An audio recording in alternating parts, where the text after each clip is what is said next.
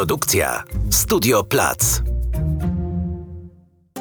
Być rodzicem znaczy oczywiście szczęście, dumę, radość, satysfakcję, ale też lęki, obawy, zwątpienia i bardzo dużo dylematów, które próbujemy na bieżąco rozwiązywać.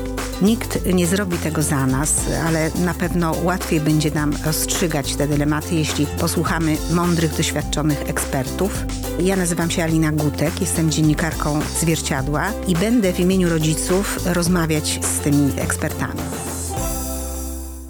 Pierwszą z nich jest e, pani doktor Aleksandra Piotrowska, psycholożka, autorka wielu książek, w tym właśnie wydanej w wydawnictwie Zwierciadło Przedszkolak Wielki Mały Człowiek.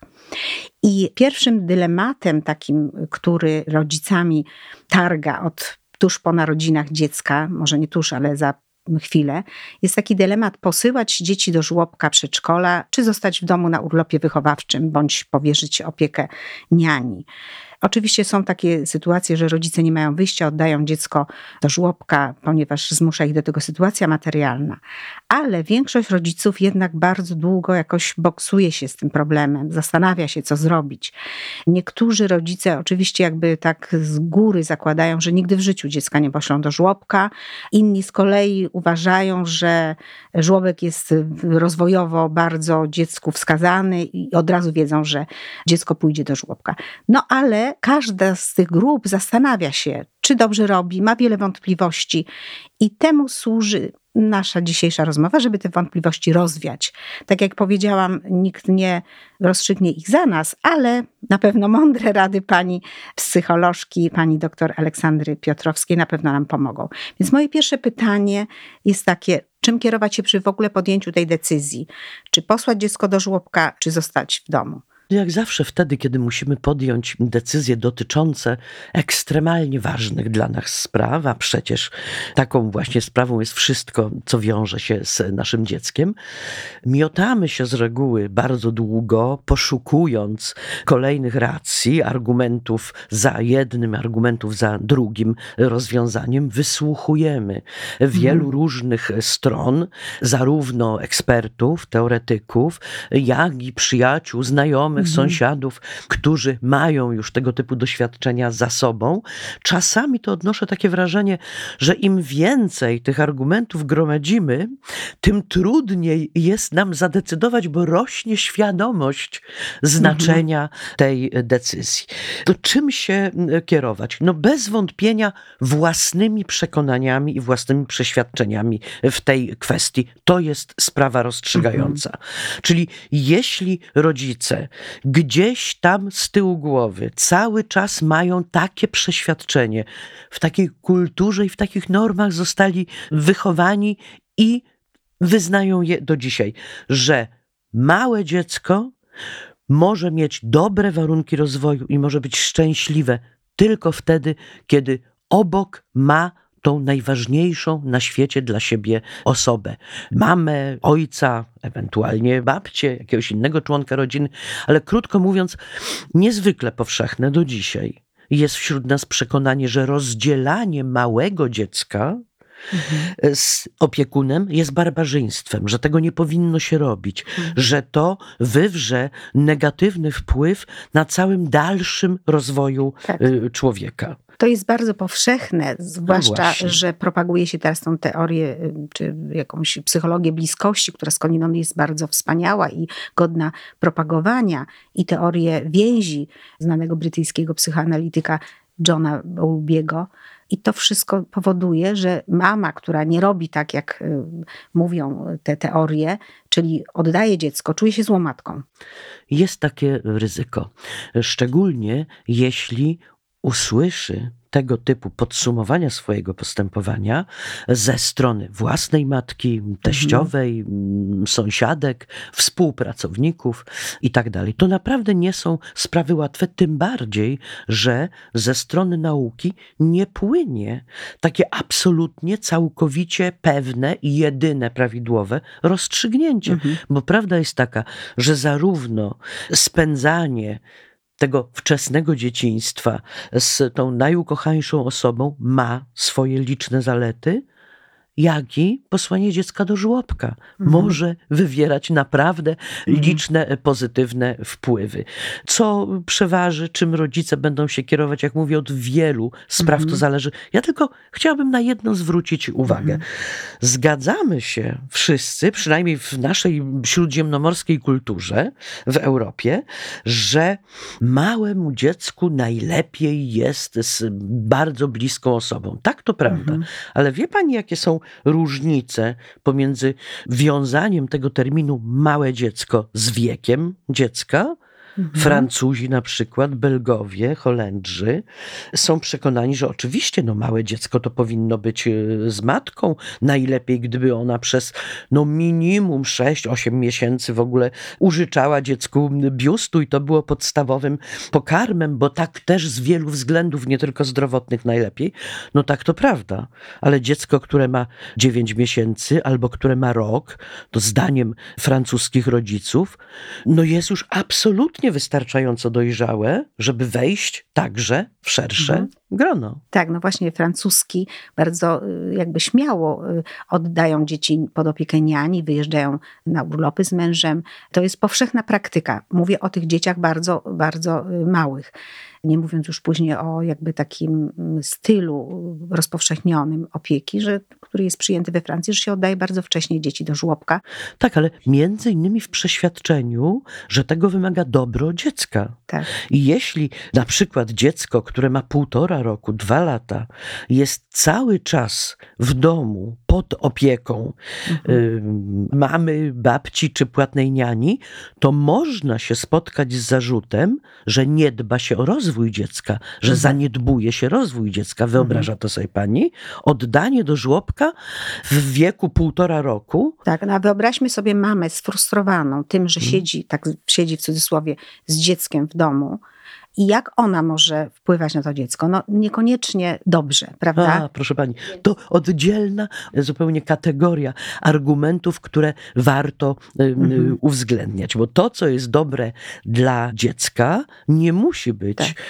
optymalne także z punktu widzenia mamy. I teraz Mhm.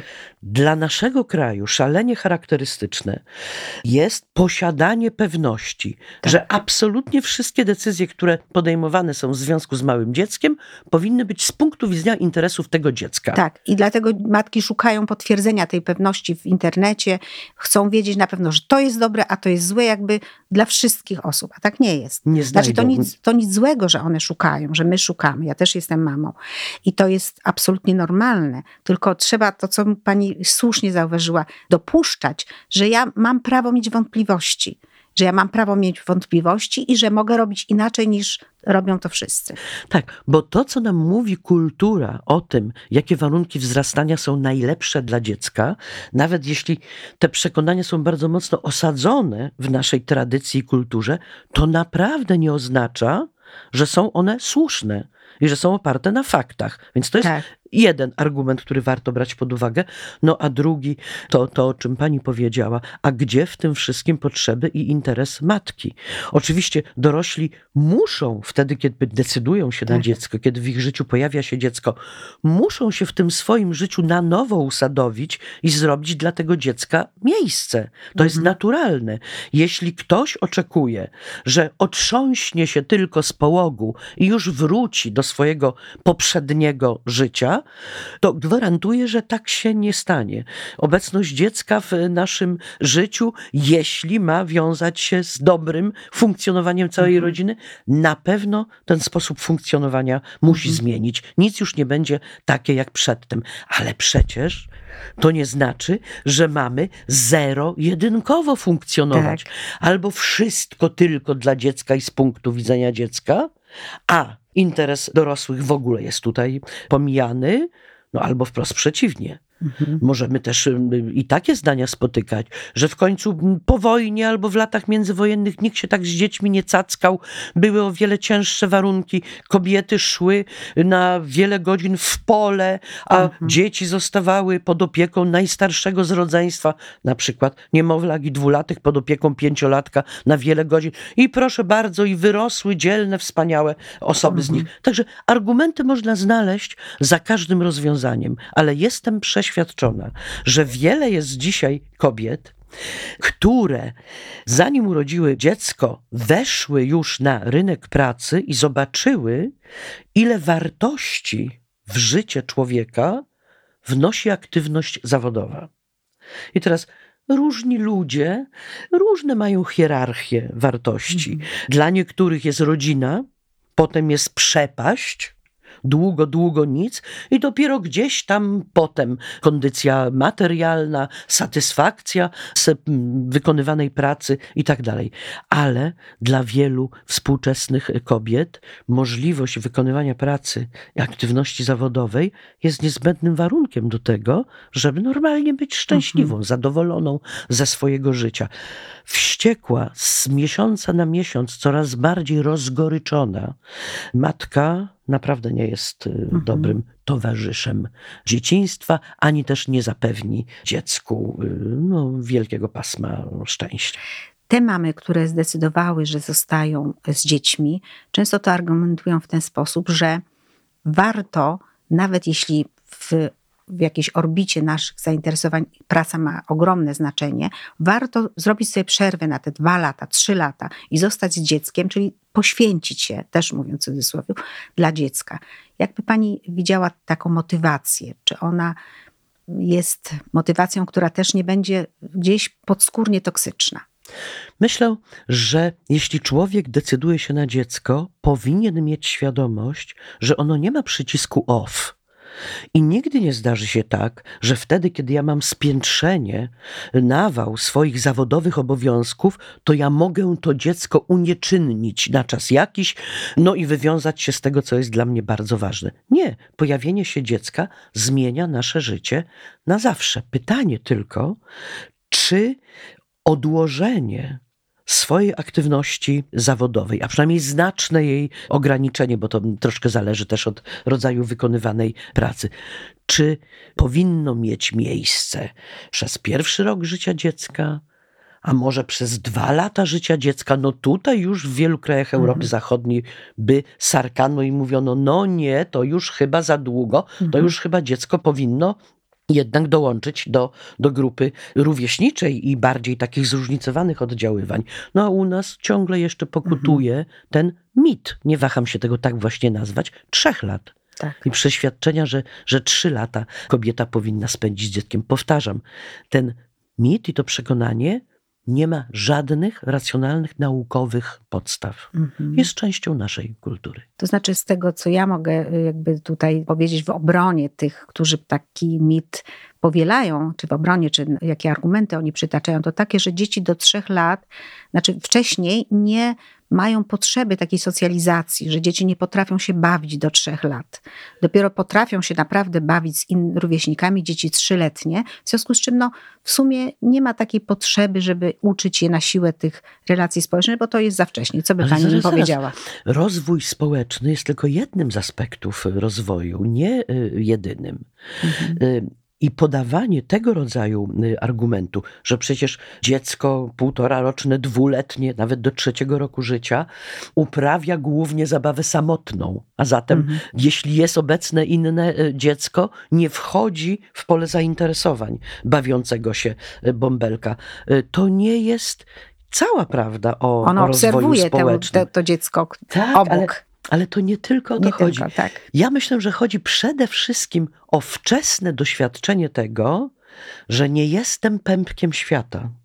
Mhm. Że nie jest tak, że cały świat, zgodnie z dziecięcym egocentryzmem, zupełnie naturalnym, o który nie wolno mieć do dzieci pretensji, ale nie jest tak, że cały świat istnieje tylko po to, żeby mnie obsługiwać, mhm. że moje musi być zawsze na wierzchu, że jeśli ja tupnę nóżką albo zacznę płakać, to mamusia, babusia, niania i tak dalej natychmiast wymiękną i zrobią to, czego ja sobie życzę. A mhm. tutaj w żłobku dziecko może doświadczyć tego, że zaczynam płakać, nóżką tupie albo nawet odwala pełną rozpacz, czyli rzut na podłogę i zanoszenie się płaczem, i to nie robi na nikim wielkiego wrażenia. Czy to nie będzie traumatyczne dla tego dziecka? Bo w myśl tej teorii więzi Bowlbiego, no to właśnie ten okres tego bardzo wczesnego dzieciństwa, mówię o jeden, o powiedzmy jeden, trzy w tym wieku, że wtedy się kształtuje ta zdolność relacji, zdolność zawierania więzi z ludźmi. Jeśli ona jest jakoś nadszarpnięta,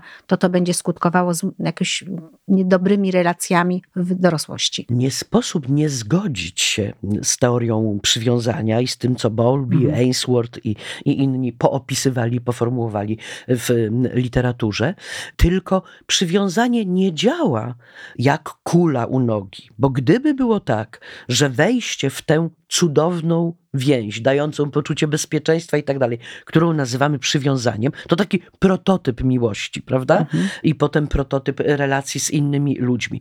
Gdyby zatem nawiązanie tej relacji i ukształtowanie przywiązania skazywało by dziecko na to, że musi być cały czas blisko opiekuna.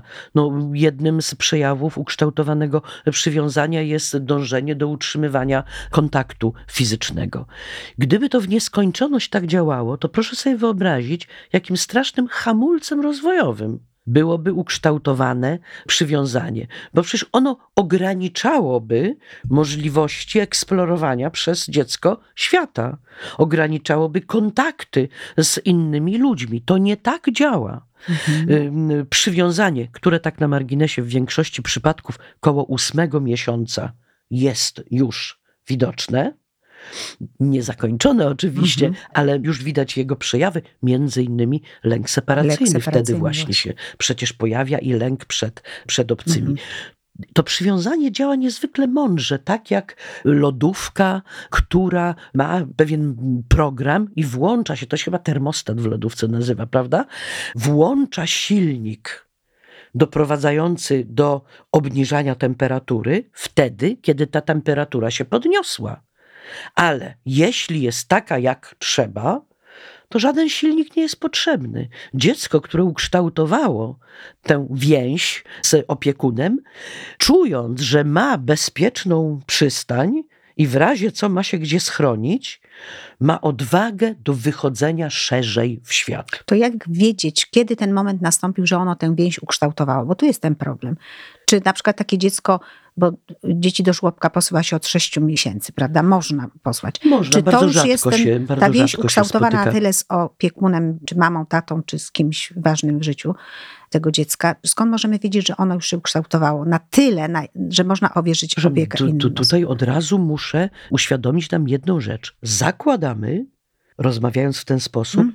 że aby ta więź się ukształtowała, dziecko 24 na 7 musi być w obecności tej wybranej osoby.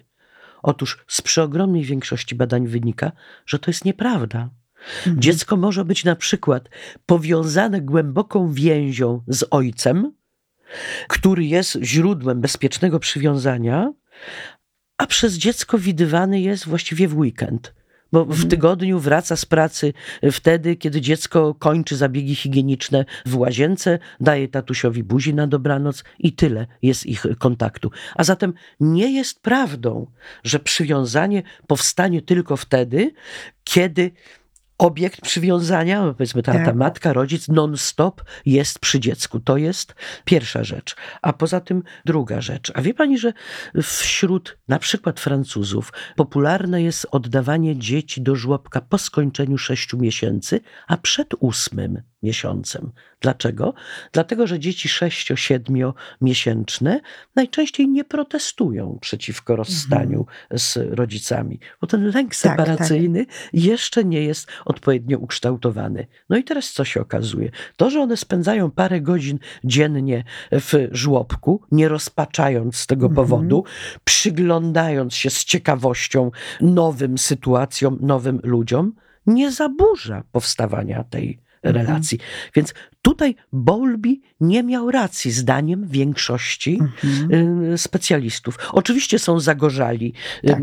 wielbiciele koncepcji Bowlbiego w tym ortodoksyjnym wydaniu. wydaniu, tak, mówiący, że absolutnie dopóki to tak. przywiązanie tak. na mur nie jest, a i w ogóle jak jest ukształtowane, to też po co narażać dziecko mhm. na, na ten przykry cały ciąg doznań związanych z rozstaniem. Mhm. No ale to możemy sobie tutaj zadać pytanie, a to do czego my dziecko wychowujemy? Do tego, żeby mu było słodko i dobrze przy nodze mamusi cały mhm. czas? Czy o to chodzi w rozwoju? Czy mamy obowiązek wobec dziecka stworzyć mu takie warunki rozwojowe, żeby nie bało się świata, żeby mhm. miało chęć i odwagę wychodzić, poznawać nowe miejsca, nowe przedmioty, nowych ludzi, jak najszybciej uczyć się kontaktów z nimi. Ja wiem, że dwu czy trzylatek nie jest w stanie norm zrozumieć mm -hmm. i przyswoić sobie norm, to jeszcze parę lat na to trzeba poczekać, ale gromadzenie takich doświadczeń, z których płynie wniosek, że nie zawsze świat robi to, co ja chcę, że to jest różnie i trzeba sobie -hmm. umieć ze wszystkim poradzić. Matka Polka, którą ja też trochę jestem, powie, że to wszystko prawda, co pani mówi, i się zgadzamy z panią, ale że to troszkę później. Że ten pierwszy okres życia dziecka, właśnie do trzech lat, to jest taki okres, kiedy powinniśmy być z nim, a ono powinno mieć nas na wyłączność. Pani, no, Trochę mówię prowokacyjnie. Miała, miałabym teraz ochotę spytać, no a dlaczego do trzech lat, a nie do pięciu? A dlaczego nie do dwóch? No skąd u nas ta magiczna granica mhm. trzech lat? Poza odwołaniem się do tradycji, w psychologii rozwojowej nie potrafię znaleźć mhm. argumentów, które by o tym mówiły. Myślę, że dobrze by było, jeśli rodzice mogą sobie na to z różnych względów pozwolić. I z takich względów psychologicznych. Na przykład kobieta dobrze znosi ograniczenie jej świata do spraw związanych z dzieckiem i z domem i finansowo mogą sobie na to pozwolić. Nie wiąże się to z ryzykiem utraty pracy. No to świetnie by było, gdyby każde dziecko mogło być otoczone tą czułą, serdeczną opieką ze strony najbliższych, dopóki nie zyska podstawowych sprawności związanych z samodzielnością. Na przykład chodzenie jest dla mnie taką mm. bardzo ważną rzeczą. Bo jak sobie wyobrażam taką ociupinkę, która leży, nie potrafi gdzieś tam dojść, Skazana a marzy jest na, o tym, żeby czegoś... Tak. A jak mm. opiekunki mają wiele dzieci pod swoją opieką, mogą nie zauważyć, że maleńtasowi na czymś tam zależy. Więc to się serce kraje. Powtarzam, gdybym tak. mogła tak zakładać, że, że rodzice że mogą swobodnie tak, sobie decydować. decydować.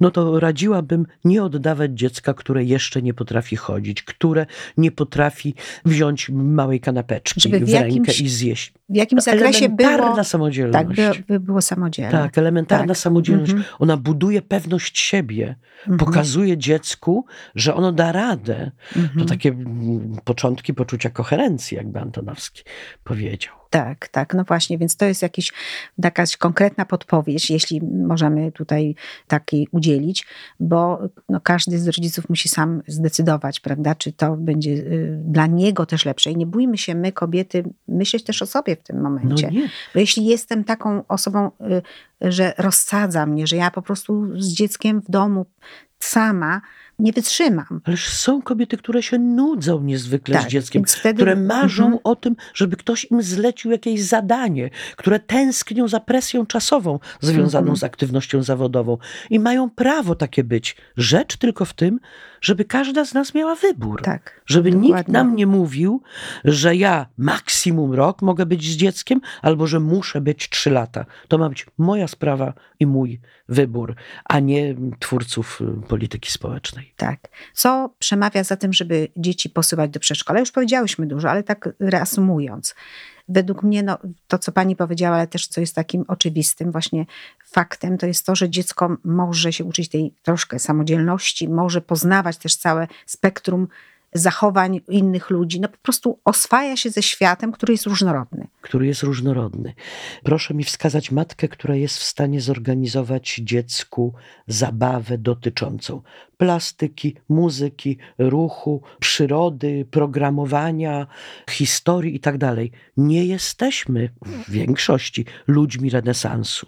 Ludzie, którzy pracują w żłobkach i w przedszkolach, mają przygotowanie zawodowe i są w stanie zaproponować naszym dzieciom różnorodne zajęcia. Nie jest tak, że w jednym przedszkolu jest tylko plastyka, a w innym mhm. przedszkolu pani lubi śpiewać, to, to są tylko mhm. zajęcia muzyczne. One dostają komplet. Proszę sobie wyobrazić, jaki to jest cudowny zastrzyk możliwości rozwojowych dla mózgu. Pamiętajmy przecież, że okres i wczesnego dzieciństwa, i średniego dzieciństwa, wtedy kiedy dziecko jest w przedszkolu, to ciągle czas niezwykle intensywnego rozwoju układu nerwowego. Przede wszystkim wytwarzają się połączenia pomiędzy mhm. komórkami, drogi nerwowe. Od bogactwa tej sieci zależy to, ile informacji na temat rzeczywistości ja jestem w stanie sobie przyswoić, ile jestem w stanie poznać i jak jestem to w stanie wykorzystywać. Czyli bardzo wyraźnie chcę podkreślić, że po to, żeby w wieku 18 czy 28 lat sprawnie myśleć abstrakcyjnie, sprawnie analizować, kategoryzować mm. i dokonywać złożonych operacji umysłowych, to ja w wieku dwóch, trzech, czterech lat muszę stykać się z mnogością bodźców różnego rodzaju. Mhm. Inaczej te drogi nerwowe nie powstaną. A jeśli sama matka natura je stworzy, to bardzo szybko, jak nieużywane ścieżki leśne, zarosną, mhm. ulegną zanikowi. Bardzo ważny argument tak. za tym, żeby dzieci oddawać do placówek. Absolutnie, chociaż no, mamy zwolenniczki y, opiekowania się jak najdłużej dziećmi w domu, powiedzą, że one będą same starały się dostarczać tej różnorodności, że będą dzieci posyłać na krótsze zajęcia, że mhm. będą spotykać się z innymi mamami. Oczywiście, to też jest, ale oczywiście, taka droga tak. też jest, jakby Naturalnie. prowadzi do tego mhm. samego celu, czyli mhm. też dziecko tych bodźców może mieć więcej. No myślę, że tak intensywnego bodźcowania, jakie jest w stanie zapewnić dziecku instytucja opiekuńczo-wychowawcza, taką jaką jest żłobek mm. czy przedszkole, najbardziej nawet zorganizowana i prężna matka nie jest w stanie zapewnić, ale ona inne rzeczy temu dziecku zapewnia, więc no tak jak mówiłyśmy, mm -hmm. nie ma tutaj argumentów, które przemawiają tylko za jedną stroną. Byleby nie spotykały się te rodziny, które decydują się powierzyć y, dziecko żłobkowi, byleby nie spotykały się ze strony innych z naganą i potępieniem. Tak. To jest dużo do zrobienia w tym zakresie. Mm. Mamy wszyscy, też my, ludzie mediów, którzy mogą propagować otwartość w sensie podejmowania decyzji i nie stygmatyzowania pewnych postaw, bo tak było do tej pory, tak jest cały czas u nas. Jednak tak ta jest. mama, która oddaje dziecko do żłobka, no gdzieś spotyka się z taką taką wielką niechęcią. Ale że... z drugiej strony niechęć może spotkać również te kobiety, które decydują się być z dzieckiem tak. w domu. Obdarzane są epitetami typu kury domowe, pozbawione ambicji tak. i tak dalej. Przestańmy sądzić, że mamy prawo do orzekania, jak inni ludzie Właśnie, to mają, jest bardzo mają ważny żyć. postulat. Naprawdę. Bardzo ważny Każda postulat. Każda z nas powinna mieć możliwość podjęcia jakiegoś wyboru. Ba, mało to i zmiany tej decyzji. A jeśli się okaże po dwóch miesiącach, po trzech miesiącach, że na przykład dziecko non-stop choruje, no może się okazać, że, tak. że to będzie argumentem rozstrzygającym o tym, że jednak y, kobieta lub ojciec y, podejmą decyzję tak. o urlopie wychowawczym. Mhm. Bo mówiliśmy, co jest takim argumentem za i to, jakie są plusy posyłania dziecka do żłobka i to powiedziałyśmy już y, w dużym stopniu, ale takim jednym z, no, z minusów, który też trzeba sobie uświadomić, jest to, że to będzie na pewno okres, kiedy dziecko choruje, prawda? Musimy to y, sobie wkalkulować, że na przykład w odwodzie powinnyśmy mieć jakąś opiekunkę, czy mamę, czy,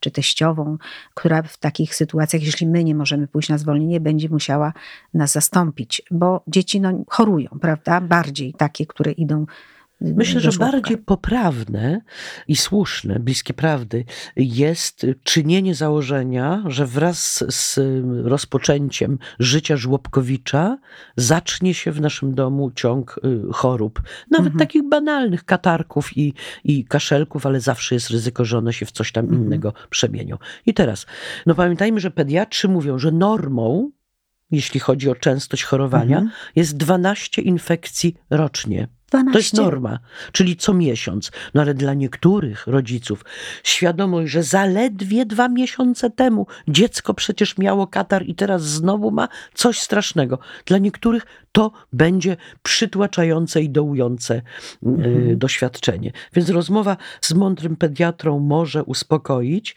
ale Mhm. prawda też jest taka, że naprawdę są dzieci, które po trzech dniach pobytu w Się żłobku hartują. Już są z intensywnym katarem i zaczynającym się kaszlem, więc następne 10 dni czy dwa tygodnie spędzają w domu, po czym znów wędrują na 3 albo 4 dni do żłobka, ponowna infekcja.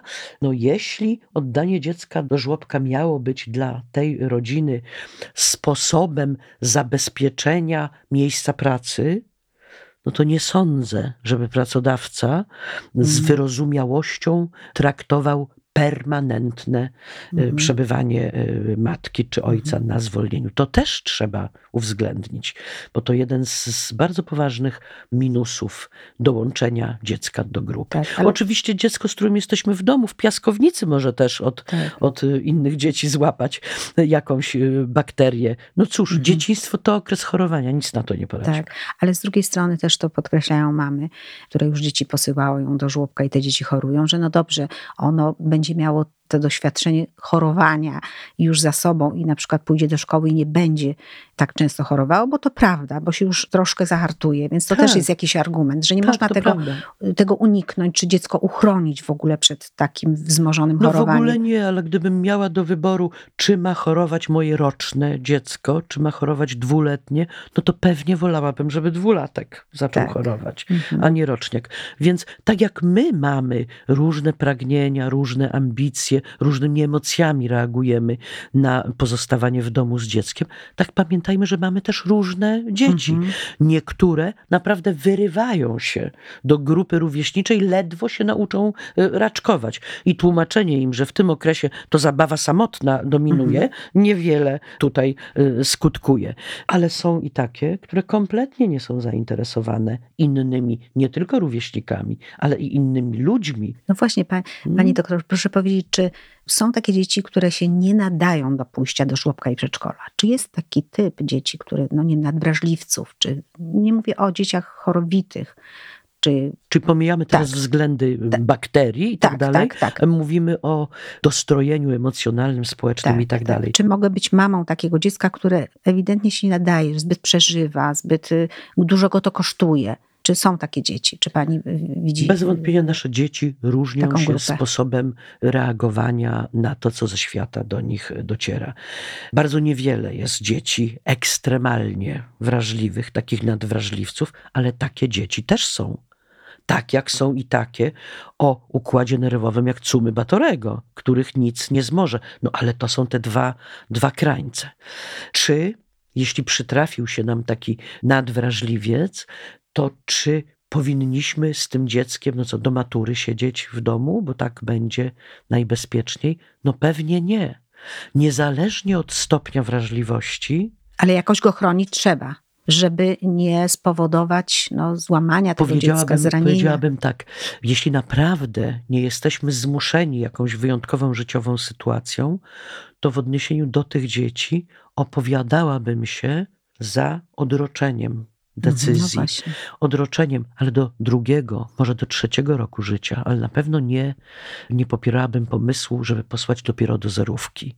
Bo proszę sobie wyobrazić, że dziecko, które inauguruje w grupie i w instytucji mm, typu przedszkole w tej sytuacji, wtedy, kiedy ma 6 lat, i to jest ten rok przygotowujący do szkoły, popularnie zwany u nas e, zerówką, proszę teraz zobaczyć, w jakiej sytuacji jest to dziecko. Musi nie tylko poradzić sobie z tymi treściami edukacyjnymi, ze zdobyciem tych różnych umiejętności, które są ujęte w podstawie programowej, ale musi dopiero w tym wieku uczyć się tego, że są inni ludzie, którzy mają inne potrzeby, mm. inaczej reagują, którzy nie muszą mi ustępować, nie muszą kierować się moją wrażliwością, nie muszą mówić szeptem, dlatego że ja bym chciała, żeby mówiły. Przecież każdy człowiek, nawet jeśli już w dzieciństwie był bardzo nadwrażliwy, no wzrasta z takim przeznaczeniem, że ma prowadzić życie stadne. Jesteśmy zwierzęciem mm -hmm. społecznym. No możemy sobie oczywiście wyobrazić, że ktoś, no nie wiem, na tą fuchę gajowego się będzie próbował mhm. załapać. No ale to nie jest mhm. takie rozwiązanie dla wszystkich. A zatem odwlekać przez wiele lat. Moment, kiedy dziecko nadwrażliwe zostanie poddane całej tej mnogości oddziaływań ze względu na chęć oszczędzania go mhm. nie może w nieskończoność Może być trzeba stopniowo to robić i nie tak Oczywiście. Tak Zamiast ośmiu godzin w przedszkolu, no pewnie lepsza będzie najpierw godzina, a potem góra dwie w mhm. jakimś klubiku prawda? Mhm. Dziecięcym. I tak powoli przystosowywać, ale jednak przystosowywać to dziecko do życia mhm. w hałasie i wśród innych ludzi. Spotkałam się z taką opinią, chyba to powiedział Bidulf, taki znany mhm. też psycholog, który zajmuje się psychologią wychowania, ale też napisał kilka książek o wychowaniu chłopców, że właśnie szczególnie chłopcy są w tym wczesnym wieku nadwrażliwi. Tak paradoksalnie mówi się o dziewczynkach jako kruchych istotach, ale y, że z jego badań, z jego obserwacji wynika, że to chłopcy są w tym wieku bardziej podatni na zranienia, że, że trzeba ich bardziej chronić. Naprawdę, ja, mama chłopców, wzięłam to sobie też dosyć mocno do serca, rozważając już, już teraz jako przeszłość moje wychowawcze trudy. I po prostu on twierdzi, że właśnie chłopców postuluje, że może by warto rozważyć taką opcję, żeby chłopców później posyłać do, do żłobka, bo to chodzi o żłobek, że, żeby nie narażać ich na taki stres. Nie wiem, czy pani się z tym to spotkała. jeden z argumentów. Tak na marginesie, no myślę sobie, że trudno znaleźć taki okres w życiu człowieka, kiedy spokojnie moglibyśmy powiedzieć, że mężczyźni są mocniejsi. Ja nie mówię o mięśniach, bo to jest mhm. oczywiste, prawda? Ale te kompetencje związane z radzeniem sobie z rzeczywistością, z trudnościami, niezależnie od tego, czy mówimy o trzylatku, ośmiolatku, czy 38-latku, to bardzo często kobiety, co to ta kultura nas wkłada w rolę wonnych, delikatnych kwiatuszków, prawda? Więdnących mhm. przy byle silniejszym podmuchu. Kobiety okazują się opoką w mhm. czasach kryzysów. Ale Myślę, że bardzo często dochodzi do nakładania się na siebie zróżnicowanych w odniesieniu do płci oddziaływań kulturowych mhm. i ewentualnie nieco odmiennych predyspozycji biologicznych. I w rezultacie mamy do czynienia z bardzo złożonym światem, którego nie da się wyjaśnić w taki prosty sposób, podając jedną mhm. jakąś Ten różnicę. jego głos może jest kontrowersyjny, mhm. może jest bardzo... Ale warto wysłuchać. Bardzo wysłuchać, tym bardziej, że stereotyp jest taki, że to mhm. chłopcy, chłopców się bardziej karci. To też są badania mówią o nie, tym, że, nie wcześniej, że wcześniej jako małe dzieci, że chłopców się przywołuje częściej do porządku w sensie takim, że oni mają być tacy męscy.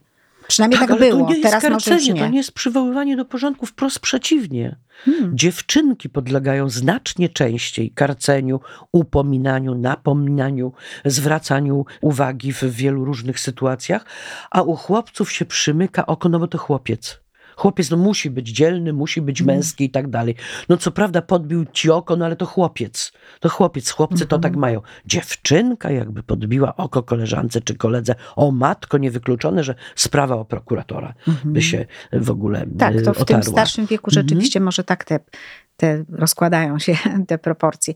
Ale jakoś tak stereotypowo się zakłada, że chłopiec to jest rozrabiaka. O, może stąd to wynika. Tak. W związku z czym nawet taki mały chłopiec jest często poddawany takim, y, no ja jako mama synów, y, może dlatego to mówię, bo, bo też miałam takie poczucie, że oni byli często już jakby tak a priori do kąta stawiani, jako ci, którzy potencjalnie mogą już rozrabiać. Ale mówię o starszym wieku. Mhm. Natomiast tutaj nasza rozmowa dotyczy tego wieku bardzo wczesnego. Maluszków, ale już w odniesieniu do niemowląt, to też są liczne badania, stwierdzamy różne zachowania, nie tylko opiekunów, ale także przypadkowych osób gdzieś tam pochylających się nad dzieckiem na spacerze, w zależności od tego, czy sądzą, że mają do czynienia z chłopcem czy z dziewczynką. Mhm. Już w okresie niemowlęcym. I chłopców pobudza się do większej raptowności, gwałtowności, mm -hmm. do zachowań ruchowych, motorycznych. U dziewczynek się oczekuje, że będą Grzeczne. z loczkami pięknymi tak siedziały grzecznie i nie będą przeszkadzały. Och, jak ja nie lubię mm -hmm. tego określenia grzeczny. tak, Grzeczny ja równa się, się potulny, prawda? Tak, tu się zgadzamy tak. absolutnie. Większość czasu poświęciłyśmy właśnie żłobkowi. Natomiast chciałabym tak jeszcze króciutko powiedzieć o tym okresie przedszkolnym, bo jakby mówiłyśmy o tym dlatego, że najwięcej kontrowersji wokół tego Oczywiście. posyłania dziecka do mhm. żłobka jest y, właśnie y, na temat tej decyzji żłobkowej. Natomiast co do przedszkola już tu nie ma takiej kontrowersji. Dostrzega się tę potrzebę posyłania dziecka do, do przedszkola. Ostatnio rozmawiałam z moją przyjaciółką z Francji, która mi powiedziała, że tam jest obowiązek y, posyłania dzieci do, od trzech lat, ale tam nawet rodzice, którzy są tacy no, bardzo nastawieni na to, żeby jak najwięcej być na dłużej z dziećmi, no, uciekają się do różnych forteli, żeby ten system trochę oszukać, bo nie jest łatwo się wywinąć rodzicom od tego obowiązku. Natomiast w Polsce, no to dalej nie jest to obowiązek, prawda? Więc dalej Obowiązkiem ze strony państwa jest zapewnić, zapewnić miejsce. Tak. To tak, działa, działa tak. w tę A tam jest stronę. tak już, że to już jest obowiązek mhm. też po stronie rodziców leżącej. Trzeba mieć argumenty bardzo mocne, żeby tego dziecka nie posłać. Ale może troszeczkę w bok was zdania uzupełnienia. Znam przypadek z Belgii rozwodzącego się małżeństwa, no i oczywiście przetargi o dziecko, gdzie on jej czyni zarzut zaniedbywania dziecka, dlatego że mała miała niemal dwa lata, kiedy została dopiero zapisana do przedszkola. Bo tam nie ma podziału na żłobki, tak, tak. przedszkole, tak. przedszkole. Mhm. Czyli niemal dwa lata dziecko siedziało w domu, zaniedbywane. Nie mhm. wykorzystywała ta matka wielu okazji edukacyjnych. Taki sposób myślenia tylko Tak, ale to bardzo ważne, co pani mówi, bo my możemy dzięki temu, my wszystkie mamy słuchające też zobaczyć, że, że jest inaczej też troszkę na ten temat, niż my tylko myślimy, niż sądzą nasi, nasze otoczenie. Żebyśmy się też jakby potrafiły wyzbyć tego, w co nas też otoczenie, środowisko, rodzina wtłacza, żebyśmy miały odwagę zrobić tak, jak my uważamy. Bo to jest główny nasz tutaj postulat chyba, prawda? Najpierw rozważmy, co jest nam, co nam służy, co naszej rodzinie jest potrzebne i idźmy za tym i nie bójmy się w razie co zmienić tej podjętej decyzji, mhm. bo nie jest prawdą, że konsekwencja jest zawsze wartością, czymś, co trzeba cenić. Jeśli podjęłam niedobrą decyzję, to utrzymywanie jej w imię mhm. konsekwencji byłoby tak. zupełnym absurdem. Przedszkolak nie tylko ze względu na korzyści, jakie odnosi jego intelekt, rozwijająca się mowa, powstający system wiedzy, wymagania związane z funkcjonowaniem mhm. emocjonalnym, ale także ze względów społecznych. Jak dziecko ma 4 lata, powiedzmy, to już zaczyna bardzo intensywnie potrzebować rówieśników jako towarzyszy zabaw. Mhm. I to jest taki argument, który nawet jeśli nie będziemy myśleć o wiedzy dziecka, o intelekcie i powiemy sobie, że zawsze tam się może czegoś nauczyć i wtedy jak będzie mieć 20 mhm. lat, nie mhm. musi zaczynać od trzeciego roku życia, to jednak tych korzyści wiążących się ze spędzaniem czasu w grupie rówieśniczej nie mhm. można nie zauważać, naprawdę. Tak, i tutaj tych wątpliwości oczywiście nikt nam nie zabrania mieć. Niemniej jednak, niemniej jednak no, korzyści są ewidentne z posyłania dziecka do przedszkola. Oczywiście po stronie naszej jest wybór tego przedszkola, też zgodnie z naszymi możliwościami, preferencjami. Więc Kilometrami, jest, które tak, nas tak, od tego przedszkola dzielą. Tak, istotne. bo to zawsze, zawsze namawiam rodziców, żeby także tego typu argumenty tak, brali pod uwagę. Żeby dziecko nie spędzało mhm. w drodze z i e, mhm. do przedszkola pół dnia, prawda? Dokładnie. Więc no, reasumując, to jest rzeczywiście pierwsza bardzo poważna decyzja rodziców do podjęcia, ale nie aż taka żeby nam tutaj podcinała nogi. tych decyzji będziemy podejmować w życiu jeszcze bardzo wiele jako rodzice, jeśli jesteśmy tymi rodzicami młodymi. I tę decyzję, jak i inne pozostałe, musimy podejmować, no to jest taki banał, ale po prostu w oparciu o to, co, co nam służy i służy dziecku, prawda? I, ale jeszcze raz głośno powiedzmy także nam. Na, nam, nam. Nam, a nie tylko dziecku. Tak.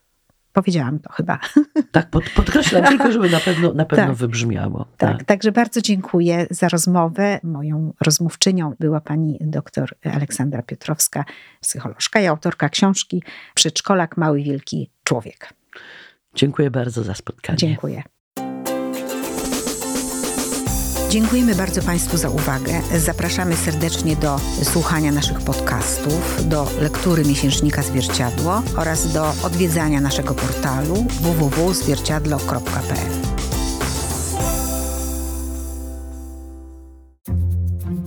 Produkcja Studio Plac.